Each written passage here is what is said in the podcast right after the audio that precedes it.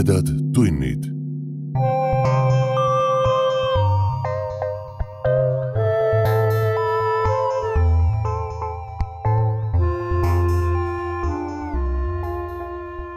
tere, hea ulmesõber! sa hakkad kuulama õudus- ja ulmejutu vestmis podcasti Tumedad tunnid neljakümne neljandat osa. mina olen saatejuht Priit Öövel. pühade ja kingiaeg hakkab vaikselt lähenema. Ja enne kui läheme tänase jutu juurde, natukene lähitulevikust. esimesel detsembril on tumedate tundide sünnipäev. me saame viieaastaseks ja nagu ikka, jõuab selle tähtsa päeva puhul teieni eraldi osa lisaks sellele saavad meie suurimad toetajad meie sünnipäeva puhul ka reaalseid kingitusi. Need, kes on käesoleval aastal olnud vähemalt kuus kuud Soerdi tasemel toetajad, saavad endale meie audioarhiiviga mälupulga. esimest korda sel aastal on meil ka toetajad, kes on olnud pool aastat soonõia tasemel ja nendeni jõuab koos mälupulgaga ka tumedate tundide T-särk. aga nagu öeldakse see pole veel kõik.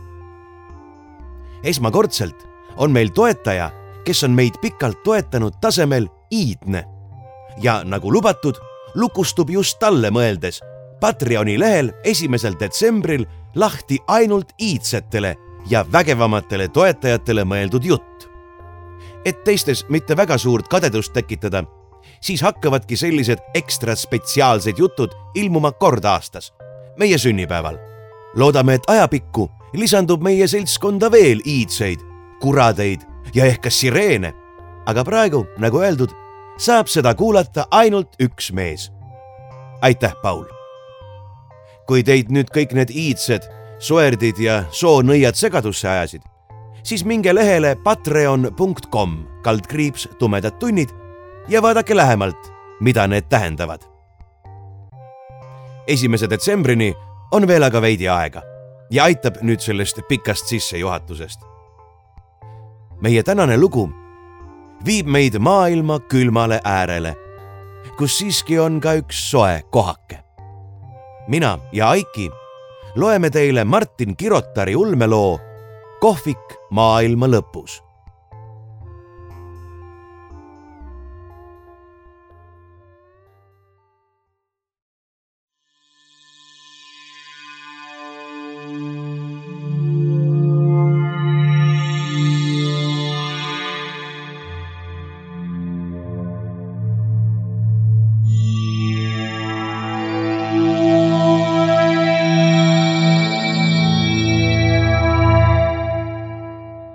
pühendatud Hanna Essile. Ragnarholmi küla asub neljasaja kilomeetri kaugusel lähimast asulast. seal, kus piirimägede viimased nõlvad annavad teed arktilisele tundrale.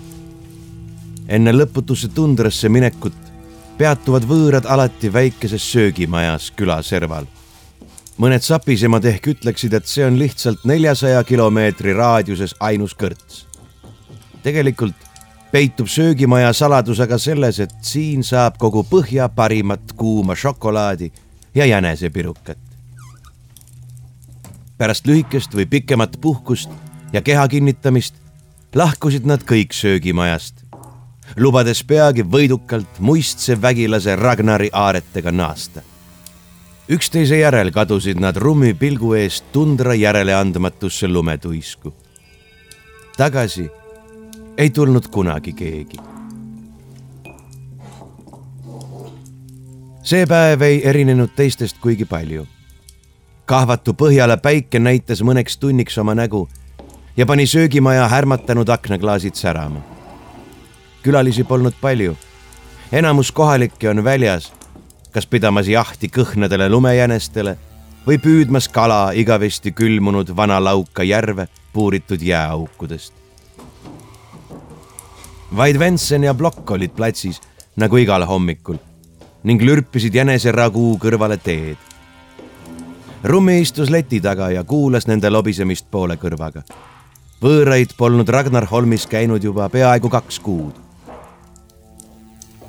võib-olla said nad lõppeks aru, et pole mõtet tundrast tuult püüda, ütles jässakas blondi põskhabemega Blokk ja kehitas oma laiu õlgu.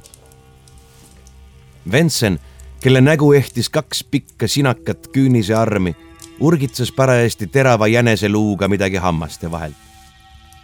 ma peaaegu et tunnen neist puudust, tunnistas ta. just siis hakkas maja eest kostma saginat, hääli ja koormaloomade kära. Ventsen ja Plokk vaatasid korraga rummi poole Nende irvitamisest võis järeldada, et nad olid võõraste saabumisest juba enne kuulnud. Rummi naeratas neile vastu ja asus klaase letile laduma. õige pea löödi uks lahti ja koos pakase auruga tungis sisse viis karusnahkadesse mässitud teelist.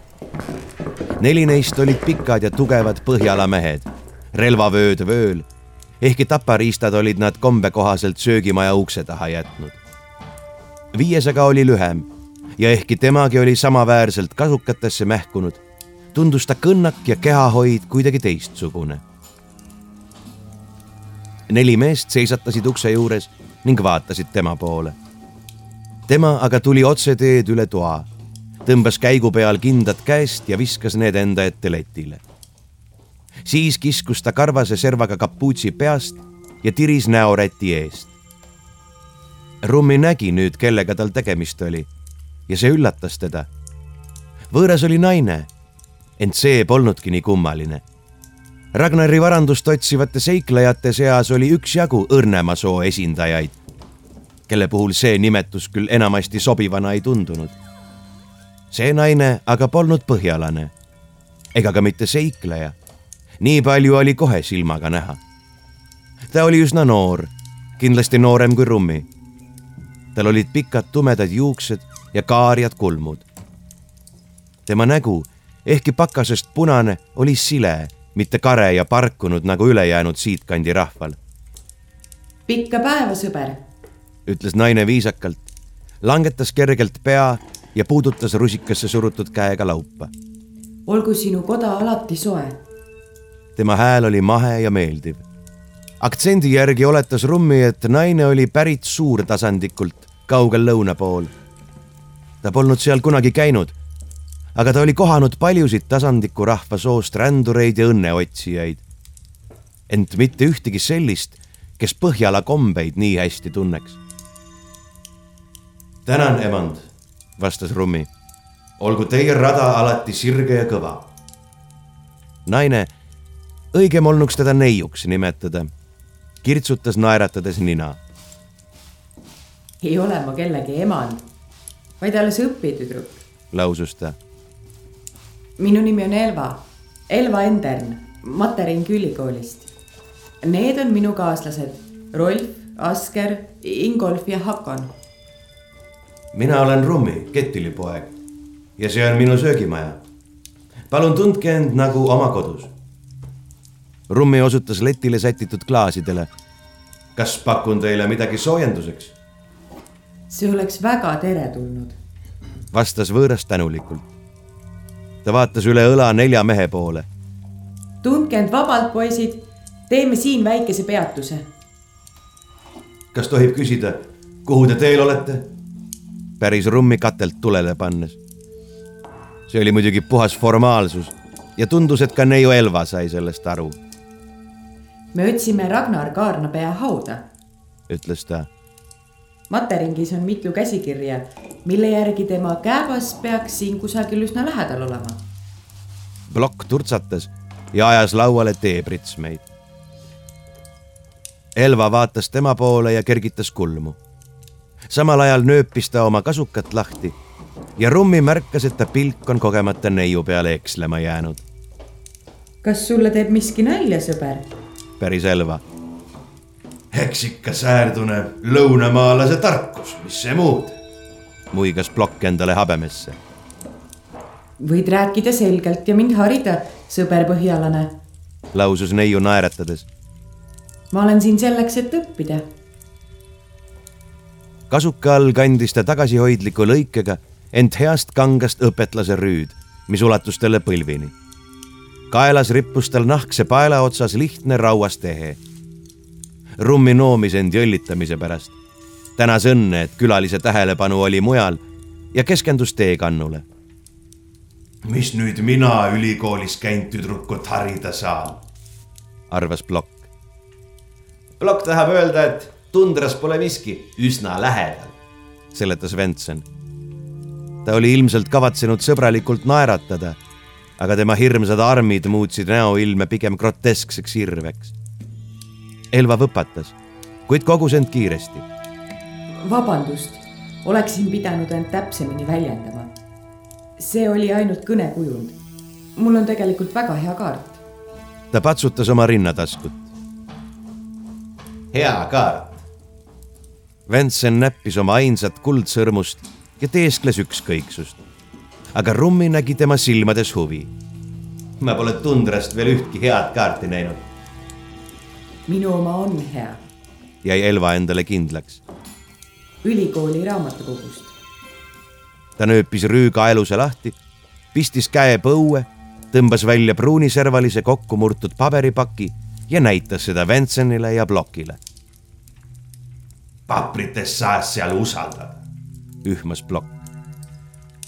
Plokk tahab öelda, et sul oleks parem leida mõni kohalik teejuht, seletas Ventsen. kas te pakute end välja? päris neiu. Ventsen muigas ja raputas pead. Kes siis meie eest teed jooks ja istet soojendaks? kas te teate kedagi, kes võiks aidata? kohalikud escape tundras, pomises Plokk aga me oleme näinud paljusid mööduvaid otsisalku, poetas Rummi omalt poolt. kui te näitaksite oma kaarti, võiksin ma selle abil näidata, millises suunas nad läksid. kas neid salku on siis varem palju käinud? Ta heitis pilgu üle õla sinna, kus tema neli põhjalast olid end tule aseme ees sisse seadnud. Rummi noogutas vandeseltslaslikult ja nõjatus letilette poole. paljud on kuulnud jutte Ragnari suurtest rikkustest kulda olevat kääpas nii palju, et ei saa ustki lahti teha. ja kalliskivid. teekann hakkas vilistama ja ta pidi selle tulelt ära tõstma. Eks seda näeme siis, kui sinna jõuame. sõnas Elva. mind huvitab rohkem, mis meid enne seda ees ootab. kuidas teil põhjas öeldaksegi? ei maksa hüljest kotis osta. Rumi noogutas ülikooli rahvale pakkusid muidugi rohkem huvi teadmised kui kuld. küllap oli mõjuvõimul nende maailmas teistsugune hind. temal jätkus jutte ka sedasorti inimestele. Sa kindlasti tead, et käepa rajasid Ragnari preestrid, muistse aja kirjatargad. hakkas ta teelehti kannu puistates jutustama. seal leidub kahtlemata raidkirjasid vanast võlukunstist ja seninägematuid lugusid Kaarnapea vägitegudest. võib-olla isegi hiidväe õpetusi. Elva vaatas teda kummalise pilguga. kas sa räägid seda kõigile, kes siin käivad? küsis ta. Rummi tundis end kohmetuvat. ta kratsis kukalt. ta ei olnud seda oodanud.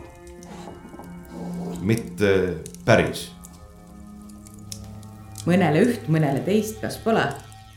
igaühele täpselt seda, mida talle kuulata meeldib. Elva naeratas, aga mitte niimoodi viisakalt, nagu ta oli naeratanud Ventsenile ja Blokile. see oli soe ja südamlik naeratus, mis ulatus ka silmadesse. Kui tüdruku küsimus oli Rummi välja raputanud tema harjumuspärasest rutiinist, siis see naeratus oli kui lõplik hoop. Rummi tundis, kuidas veri valgus näkku seda, et eh, sa oled väga läbinägelik. aga ma olen ju võõrustaja. koos toidu ja joogiga pakun lihtsalt lisaks jutuajamist. pealegi, mis kahju saaks tulla juttude vestmisest. Rändhõimud hoiavad juba aastatuhandeid sedamoodi oma pärimusi elus. see on väga imetlusväärne, arvas Elva. me jääme tänaseks siia. koormaloomad peavad pisut puhkama nii et meil on hiljem piisavalt aega juttu vesta. praegu aga palun sind, et sa räägiksid mulle seda, mida mulle kuulata meeldib. ja mis see oleks? millised on tundras teeolud, mis ohud seal varitsevad, mida me ootama peaksime? Rummi kõhkles. üldiselt ei esitanud ta võõrastele küsimusi, ega huvitunud neist väljaspool oma võõrustaja kohustusi. sellel polnud ju mõtet, sest keegi neist ei tulnud kunagi tagasi. aga see naine tundus teistsugune. ta nägi küll neiu silmis huvisädet, kuid see ei tulnud Rummi lugudest, vaid näis sinna otse kui loodud olevat. Ta kiikas Venseni ja ploki poole, ent nood olid tõmbunud ruumi kaugemasse otsa kus nad lauaplaadil kriiditükiga poomist mängisid ja samal ajal omavahel nalja viskasid. ma räägin sulle. aga kas tohin enne midagi küsida? Elva kehitas õlgu. muidugi. kui sind ei huvita varandus ega teadmised, siis miks sa siin oled? Mida sa Ragnari hauast otsid? Elva kummardus talle lähemale see on lihtne, ütles ta tasa. minu ülikoolist on ennegi kaarnapea kalmu otsima mindud. paljud head õpetlased ja targad mehed on kaduma jäänud. ma tahan nad üles leida. tahan teada, mis nendega juhtus. Rummi noogutas. hea küll, kaup on aus. Nüüd on minu kord. ma muidugi ei tea, kus kääbas asub, aga tee sinna on kindlasti ohtlik tundras on külm ja lumetormid on väga sagedased. me oleme siiani hakkama saanud, märkis Elva. see läheb veel hullemaks. siit edasi tuiskab peaaegu kogu aeg. rahvas räägib, et see on sama tuisk, mis varjas Ragnari väe riismed vaenlase eest. ja et see on puhunud juba sadu aastaid. Hästi, aga kõik need inimesed ei saanud ju ometi tormivangi jääda. see pole ainus oht tundras liiguvad suvel hundikarjad ja aasta ringi võib leida näljaseid jääkarusid. Vensen näiteks sai karult korraliku nätaka, kui ta veel kõiki oma päevi siin kõrtsis ei veetnud. Rolfi poisid on tugevad ja kogenud kütid. Nad kaitsevad mind metsloomade eest. Rummi silmitses neid nelja võõrast. Kahtlemata olid nad karmid mehed ja võis arvata, et ka oskuslikud. aga ta oli näinud neist paremaid rajaleidjaid kes polnud siiski kogu oma jõu ja oskuste kiuste tagasi tulnud. rändhõimud teavad rääkida, et seal on ka olevusi, kelle vastu meeste jõud ja haljas teras ei aita, jätkas ta. pärimus jutustab, et Ragnari preestrid tegid tehinguid mustade jõududega ja kutsusid välja kurja vaime, mis nüüd ulgudes kalmu ümber ringi uitavad ja ettesattuvates surelike hinged kehast välja puhuvad et neid endale seltsilisteks teha. mõned šamaanid kõnelevad suurest mustast kaarnast, kes kääpa kohal tiirutab ja saaki märgates alla sööstab, et ühe nokahoobiga haua lähedusse sattunute päid lömastada. ja siis on veel veriastel, lihasööja okastaim, mis luurab lume all ja söövitab oma happega kõike elavat, millega kokku puutub. aga need on ju ainult jutud, ütles Elva naerdes võib-olla, lausus Rummi ja hakkas teed klaasidesse valama. aga mina tean ainult seda, et keegi pole kunagi tagasi tulnud. ja sellepärast ma ju siin olengi, tuletas neiu talle meelde. Ta võttis kaardi, mille oli enda ette letile asetanud ja toppis selle tagasi põue. siis puudutas ta jälle tänumärgiks rusikaga otsaesist. tänan sind jutu ja nõu eest, Rummi kettilipoeg tee lõhnab hästi. ma kuulsin, et sa valmistad head jänesepirukat. ehk kostitaksid sellega mind ja minu mehi.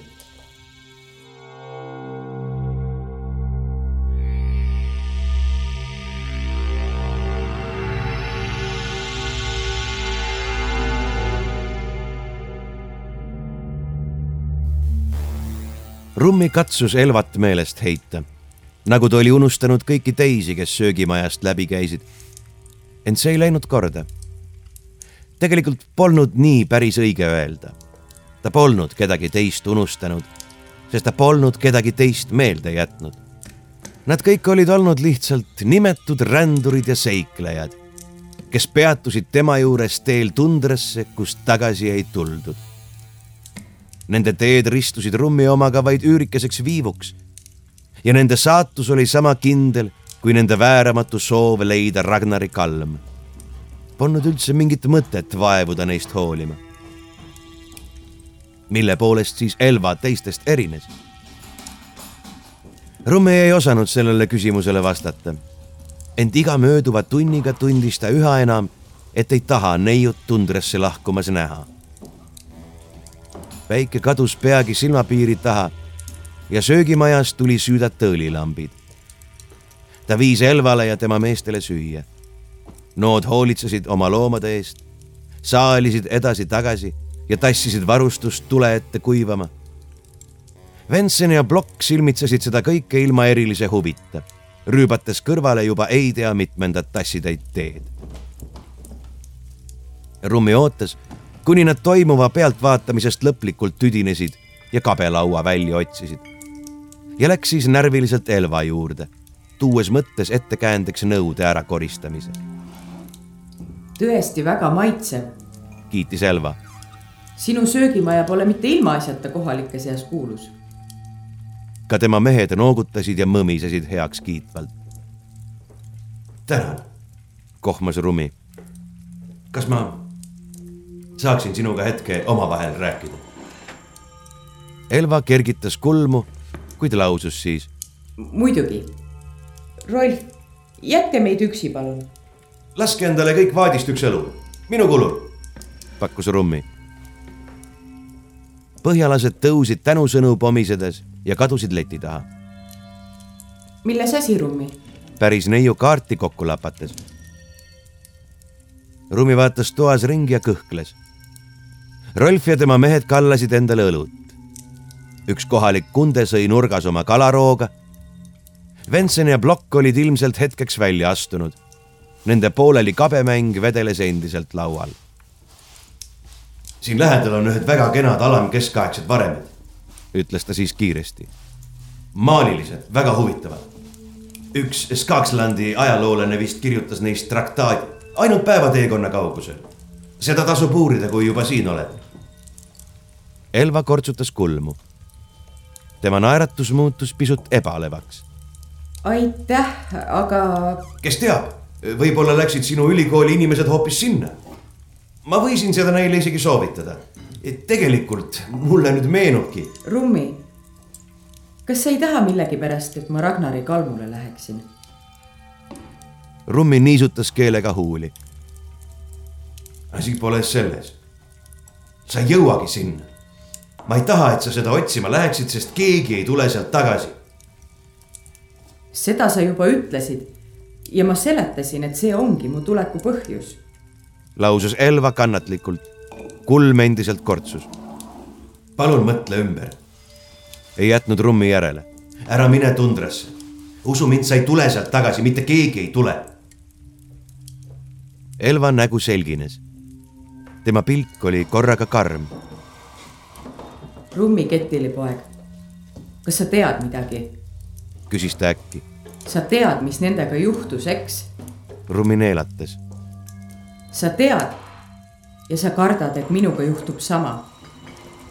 Elva sõrmitses äraolevalt oma kaelaehet. tema pilk oli Rummile naelutatud. sa tead, eks? ma tean ainult seda, et keegi ei tule tagasi.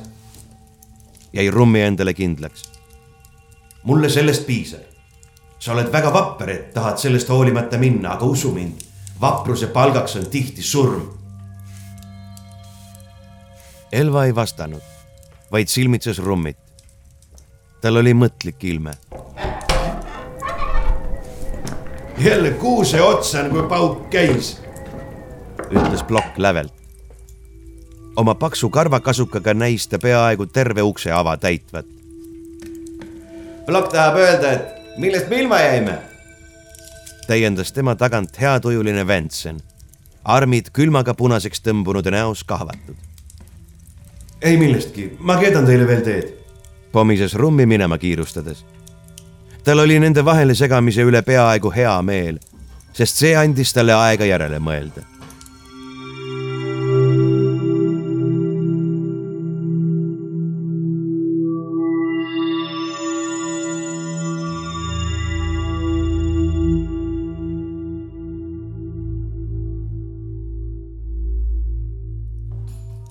Õhtuks oli Rummi juba peaaegu meeleheitel. tundus, et tal ei õnnestu veenda Elvat tundrasse minekust loobuma. jäi veel paar võimalust, aga ükski neist ei meeldinud talle eriti. ta alustas sellest, mis tundus vähem vastumeelne. kui kõik kohalikud kunded olid oma joogid lõpuni joonud ja koju magama läinud, libistas ta möödudes Rolfile kirjakese, kus seisis lihtsalt räägime väljas maja taga tuul oli vahepeal tõusnud ja keerutas nüüd söögimaja ümber üles pinnatuisu.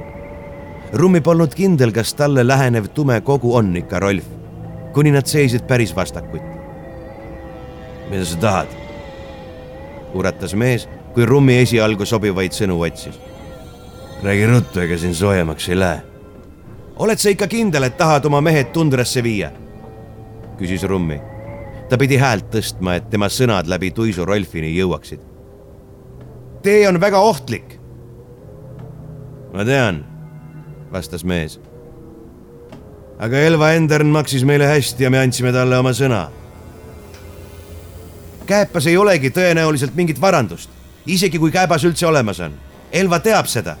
ta rääkis teile aaretest ainult selleks, et nõustuksite kaasa tulema teda huvitab üksnes eelmiste ekspeditsioonide otsimine, aga nemad on kõik kindlasti ammu surnud. Te ei taha ju, et teid tabaks sama saatus. ta nägi, et Rolf lõi kahtlema ja jätkas. sa sead enda ja kõigi oma meeste elud suurde ohtu. sama hästi võiksid nad kõik ise tappa. millest sa räägid? küsis Rolf. ent isegi läbi tuulemüha sai Rummi aru, et ka põhjalasele ei meeldinud enam mõte Ragnari kalmu otsimisest kui palju Elva teile maksis? päris Rummi vastu. kakssada hõbepenni, sada enne, sada pärast. Rummi võttis summa mainimist hea märgina, sest see võis viidata sellele, et mees oli valmis raha vastu võtma. ta tõmbas kasuka taskust raske kukru, kõlistas seda ja näitas Rolfile. viissada hõbepenni, ütles ta. saad selle kohe kätte vastutasuks pead ainult andma oma sõna, et öösel pakite oma meestega asjad ja lahkute. Rolf vaatas kukrut ja sirutas selle järele käe, aga tõmbas siis sõrmed tagasi. miks sa seda tahad? kas sul on emand Elvaga mingid kurjad plaanid? otse vastupidi. ma üritan teda päästa, teda ja teid samuti. kui teid enam pole, ei saa ta üksi edasi minna, ta peab oma ekspeditsioonist loobuma see on ainus võimalus tema meelt muuta, ta on liiga põikpäine. Rolf mõtles. külm tuul tungis rummi kasukahõlmade vahele ja pani ta värisema. ta tammus kärsitult jalalt jalale. kuidas siis jääb? ta leiaks külast uued teejuhid. ei, ükski Ragnar Holmi asukas ei lähe põhjapoolsesse tundrasse. las sellepärast muretsen mina just siis, kui Rummile tundus, et Rolfile ei piisa tema pooleteise kuu säästudest ja tehing jääb katki, sirutas mees talle oma jämeda käsivarre. hea küll, lööme käed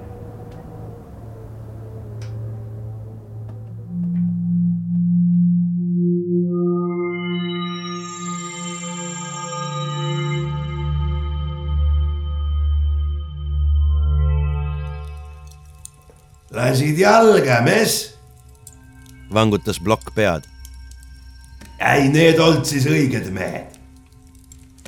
seekord olid tema ja Ventsen eriti varakult kõrtsi ukse taga platsis ja valgusid sisse niipea, kui Rummi hommikul uksed avas. nüüd istusid nad juba hommikusöögilauas, mõlemal aurav teetass sees. plokk tahab öelda, et sul ongi ilma nendeta parem seletas Ventsen lusikaga rummi keedetud hommikupudrus sonkides. Siukseid tüüpe ei saa usaldada. mis siis, kui nad oleks sind keset tundrat üksi jätnud? ei, plokil on õigus, hea, et Raisast lahti sai. Teie arvamust ei küsinud keegi, nähvas Rummi. ma lihtsalt ei saa aru. sõnas Elva. Nende tasu oli enam kui helde, et lihtsalt ümber mõelda. võib-olla lõid nad kartma pakkus Rummi. paljud põhjalased on ebausklikud. aga nemad ei olnud. väitis Elva ja kinkis talle pika pilgu. ma pean nüüd minema külasse uusi teekaaslasi otsima. ära raiska aega, keegi neist pole nõus tulema, ütles Rummi kiiresti. Need varakeskaegsed varemed pole nii kaugel, sinna oleks ilmselt ka üksi üsna ohutu minna.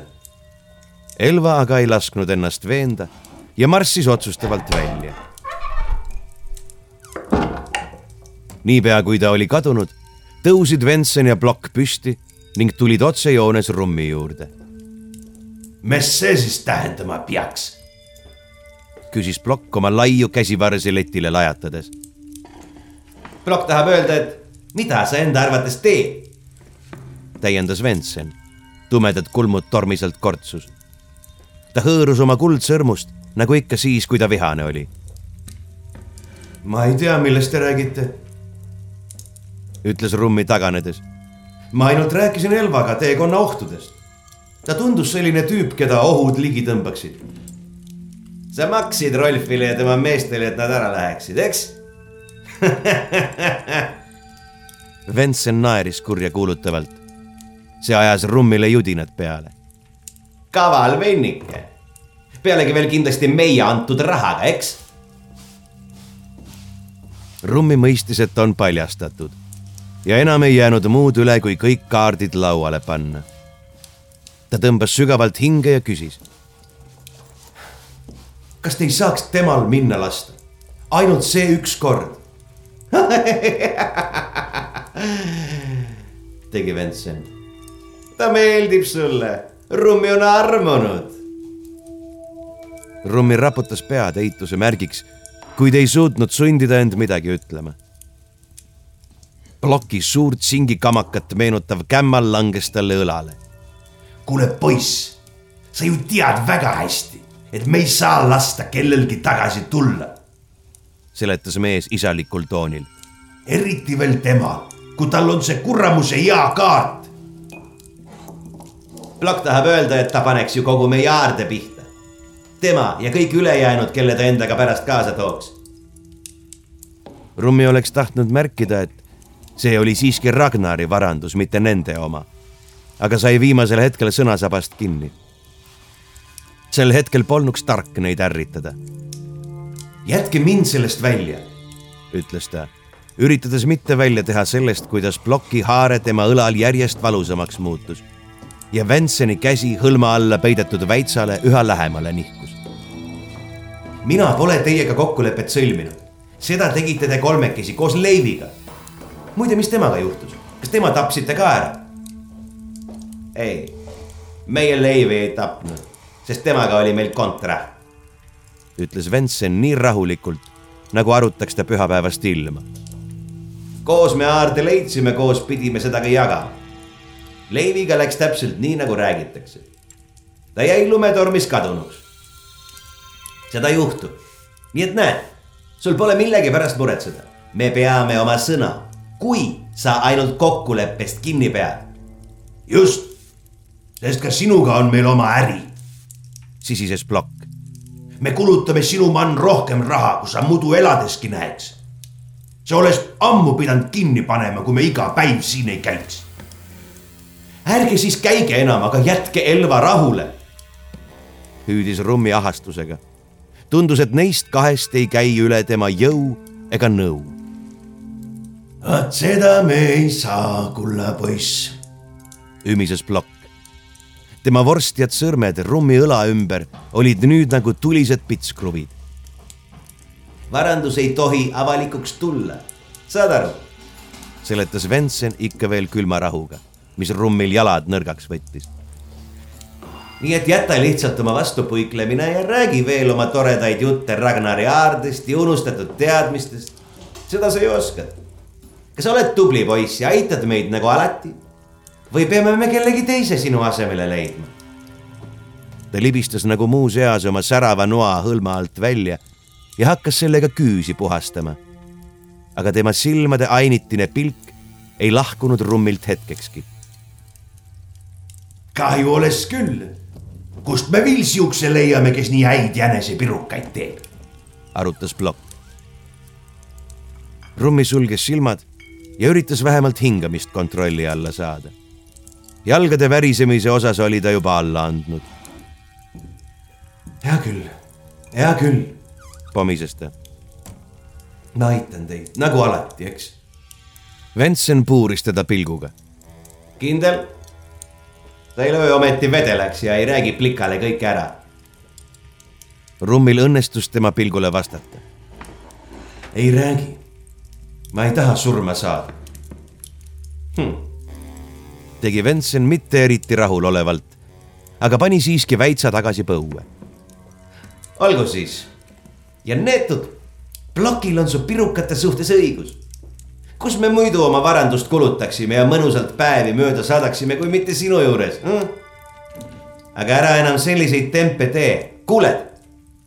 hea poiss, ütles plokk ja lasi ta õlast lahti. Rummi vajus ohates letinajale kössi see oli olnud napp pääsemine. tema kaks ähvardajat aga läksid juba tagasi vaatamata ukse poole, nagu oleks kõik unustatud. lävel pööras Ventsen ringi. me läheme tundrasse minekuks ettevalmistusi tegema.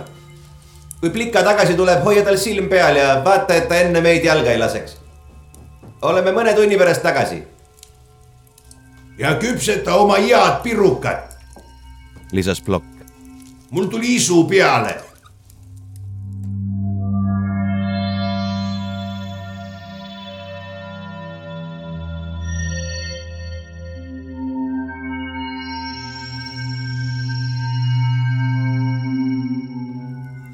järgmise paari tunni jooksul käis söögimajas paar kohalikku heinestajat. Rummi tegi neile süüa ja teenindas neid, aga tema mõtted olid kogu aeg mujal tal polnud mingit tegevusplaani ja varsti pidid nii Elva kui ka Vensen ja Blokk tundrasse kaduma. ta teadis vägagi hästi, et tagasi tuleksid sealt ainult tema kaks püsikundet. hiljutisele vastasseisule mõtlemine võttis tal ikka veel seest õõnsaks. Vensen ja Blokk polnud temaga kunagi nii varjamatult vaenulikud olnud. Aga muidugi polnud ta ka neile kunagi nii aktiivselt vastu töötanud ühtäkki tundis ta häbi, et polnud neile varem vastu hakanud. ta oli lihtsalt eelistanud mitte mõelda sellele, mis ränduritega tundras juhtus. kõigi nende surnud inimeste veri oli ka tema kätel. sellele pidi tulema lõpp, mõtles ta jänesepirukat ahju lükates ta lootis, et tal avaneb võimalus enne Elvaga rääkida, kui Vensen ja Blokk tagasi jõuavad ent paraku tulid mõlemad peaaegu samal ajal. Rummi, kas Ragnar Holmis elavad ainult argpüksid? küsis Elva sisse astudes. mitte keegi polnud nõus minuga kaasa tulema. Nad tegid õigesti, ütles Rummi. ma pean sulle midagi rääkima. Elva märkas tema tõsidust. Mis lahti on? just sel hetkel valgusid läbi ukse need, keda Rummi peljanud oli. kas jänesepirukas on valmis? küsis Ventsen heatujuliselt. tõstsin just natuke aega tagasi jahtuma, lausus Rummi. võtke istet ja ma toon teile mõne tüki. Nad istusid, aga mõlemad mehed pidasid Rummit teraselt silmas. ta ei söandanud isegi Elvale ühtegi tähendusrikast pilku saata, vaid kadus kööki piruka järele hästi lõhnab. kiitis plokk õhku nuhutades, kui rummi valge riidega kaetud roa nende ette asetas. tema tähelepanu neis olevat koondunud toidule, kuid rummi tajus endal ikka veel Ventseni pilku. ta avastas, et oli hakanud pisut higistama. kas reisiseltsiliste otsimine läks kehvasti? päris Ventsen viisakalt. väga, tähendas Elva tundub, et teie külas on kõik umbes sama tegusad inimesed kui teie. mis te nüüd? tõrjus Ventsen tagasihoidlikult, nagu oleks neiu talle komplimendi teinud. plokk üritas täissuuga naerda ja Rummi pidas hinge kinni, et näha, kas mees äkki piruka kätte ära ei lämbu. aga seda siiski ei juhtunud. Ventsen aga keerutas pirukatükki oma taldrikul küll üht, küll teistpidi võib-olla tahaksite pisut teed? pakkus Rummi ja läks kannu järele. tagasiteel värisesid tema käed nii kõvasti, et ta pidi ühe laua juures peatuma ja end koguma. muidu oleks teekannu sisu põrandal lõpetanud. ära rabista nüüd. ühmas plokk. plokk tahab öelda, et sa oled kuidagi närviline, Rummi, vanapoiss. märkis Ventsen. võta rahulikult. Sinu tee on meile alati meeldinud. ega me siin muidu iga päev ei istuks. Rummi ei vastanud, vaid keskendus tee tassidesse valamisele. kas sa saaksid pärast seda minu kulud kokku arvestada? küsis Elva pisut kannatamatult. ma tahaksin viivitamatult teele asuda. Rummi avas suu, et vastata. seekord tajus ta, et teda jälgisid mõlemad mehed.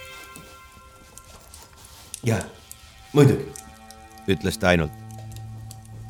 loodan, et su külastus osutus meeldivaks. Elva võpatas ja vaatas talle otsa. Nende silmad kohtusid, ehkki vaid viivuks. Rummi suunas pilgu kohe enda ette teekannule, lootes, et neiu tema plaanist aru saab. Ventsen tõstis oma aurava tassi ja nuusutas demonstratiivselt. Ta näis seda hetke nautivat. Pole midagi paremat kui hästi valmistatud tass tee. lausus ta. kõige etem on minu meelest see hetk enne joomist. kui hingad sisse kuuma auru ja tunned teelehtede hõrku aroomi. Rummi vihkas seda hetke kõige rohkem maailmas. ta märkas, et ka Elva tema kõrval oli pingule tõmbunud. Kas neiu võis tõesti nii vähesest taibata, mida Vensen ja Plokk kavatsesid? ta oli küll ülikoolis käinud, aga ikkagi. Vensen kummutas tassi ja rüüpas ettevaatlikku sõõmu teed. Rummi hingas kergendatult välja. ent tema võidurõõmus naeratus oli ehk olnud pisut liiga aval. mis sulle nii suurt rõõmu teeb? küsis Vensen. Tema puuriv pilk hüppas tagasi Rummile, siis aga Plokile, kes tema kõrval vaikselt kõõksuma hakkas. jässaka mehe nägu tõmbus järjest punasemaks. ta ajas suu pärani ja üritas midagi öelda, kuid välja tuli ainult arusaamatu ägin. tema verd täis valgunud silmade üllatunud pilk leidis Venseni. siis haarasid tema kogukat keha ägedad krambid. Ta kukkus toolilt maha, lõi pea vastu lauaserva ära ja jäi põrandale tõmblema. Vensen ajas end üllatava kiirusega püsti ka temal oli juba silmnähtavalt raskem hingata, kuid ta oli vaid väikese sõõmu teede neelanud.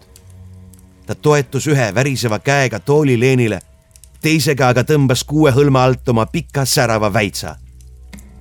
sina, sa väike lurjus, sisises ta ja sööstis Rummi poole. Rummi taganes hirmunult, kui nägi loomalikku viha tema pilgus enne kui ta jõudis üldse midagi mõelda, kukkus mees talle otsa. ta ootas, et iga hetk tungib Venseni bussi hirmust tera tema kõhtu. ent valu ei tulnudki. ta sai aru, et karjub kiledalt ja jäi vait. Venseni nägu oli tema oma vastu surutud, nii et üks pärani silm täitis peaaegu kogu ta nägemisvälja. Rummi tundis tema mürgist hapukat hingeõhku pingutusega veeretas ta Venseni enda pealt maha. Elva seisis tema kohal, käes üks neist väikestest taskuvibupüssidest, mida Lauskmaa rahvale kasutada meeldib. ta märkas silmanurgast, et Venseni kaelast turritas välja tilluke nool.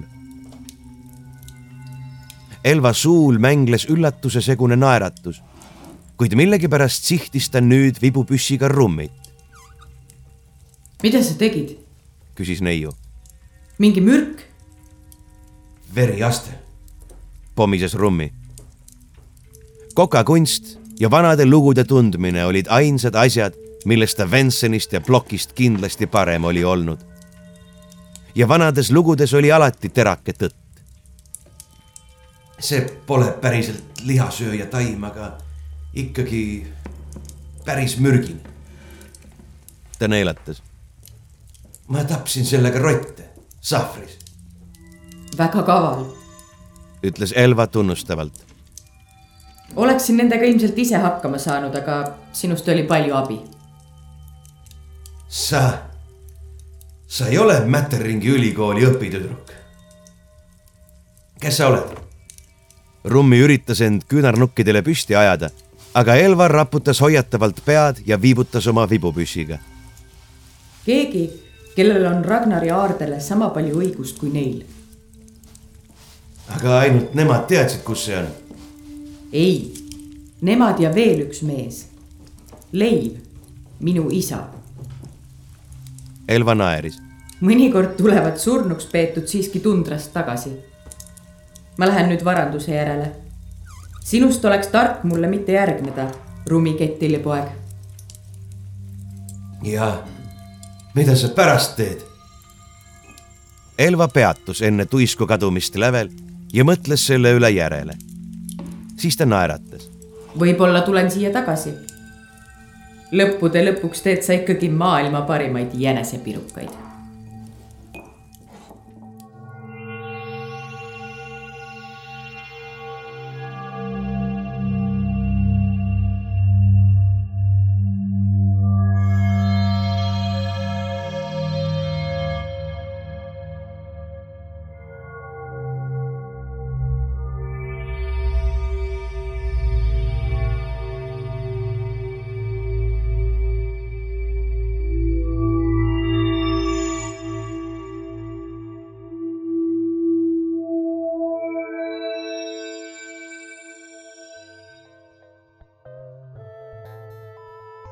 Te kuulsite Martin Kirotari ulmejuttu Kohvik maailma lõpus. ja ongi tänaseks kõik. me kohtume esimesel detsembril. seni aga jagage meid sotsiaalmeedias oma sõprade ja vaenlastega ning hakake meid võimalusel toetama lehel patreon.com kaldkriips tumedad tunnid. kõhedate kuulmisteni